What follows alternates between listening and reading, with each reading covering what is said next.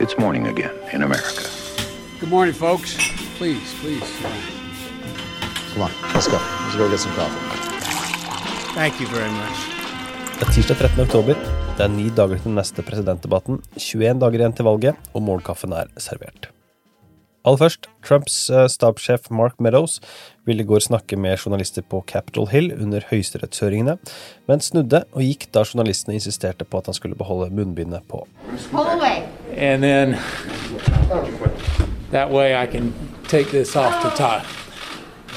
Well, I'm more than 10 feet away. I'm not, well, I'm not going to talk through a. I Montana så ligger guvernør Steve Bullock, demokraten, og senator Steve Daines, republikaneren, helt likt på de siste målingene, 48-48.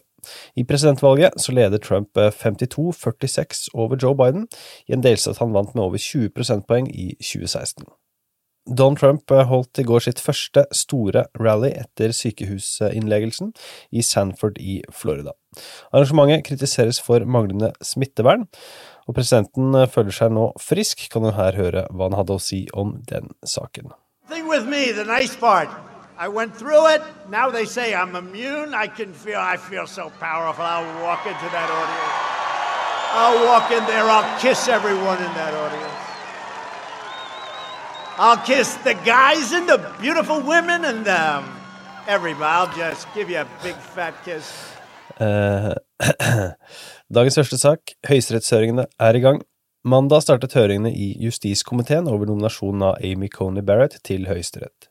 Alle 22 senatorene i justiskomiteen fikk sagt sitt i hver sine åpningsinnlegg.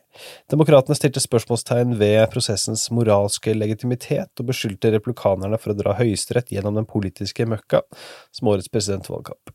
Republikanerne svarte på sin side med at prosessen er legitim, at Barrett er høyst kvalifisert, og at høyesterettsdommere har blitt bekreftet i tidligere valgår, hvor presidenten og senatets flertall var av samme parti.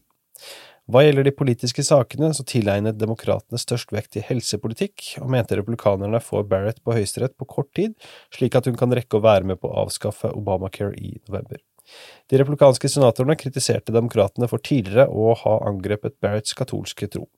Den demokratiske senatoren Richard Blumenthal fra Connecticut kritiserte republikanernes rettferdiggjøring av å oppnevne en dommer like før valget, og kalte det en utøvelse av ren makt.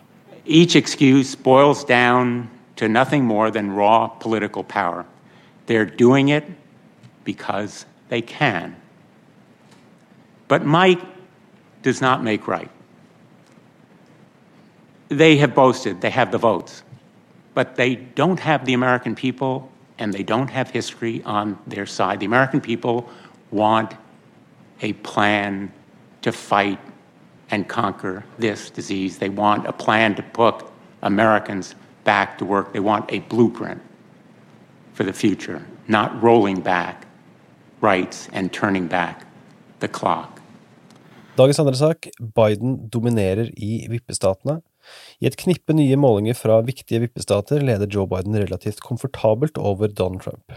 I Pennsylvania leder Biden 51-46, i Florida leder han 49-43, i Michigan leder han 48-40, og i Wisconsin leder Biden 51-41 over Trump.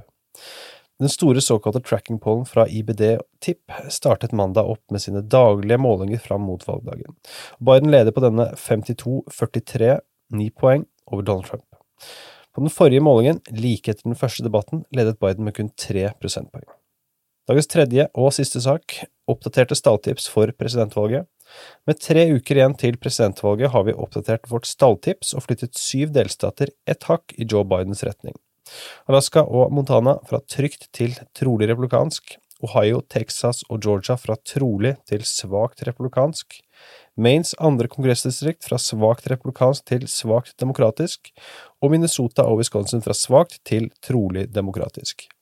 Totalen 320 valgmenn til Biden, 218 til Trump. Det trengs 270 for å sikre seieren.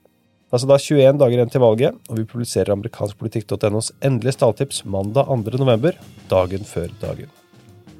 Dagens utgave av Målkaffen er servert av Sigrid Rege Gårdsvold og undertegnede Are Togvold Flaten. Du leser mer på amerikanskpolitikk.no.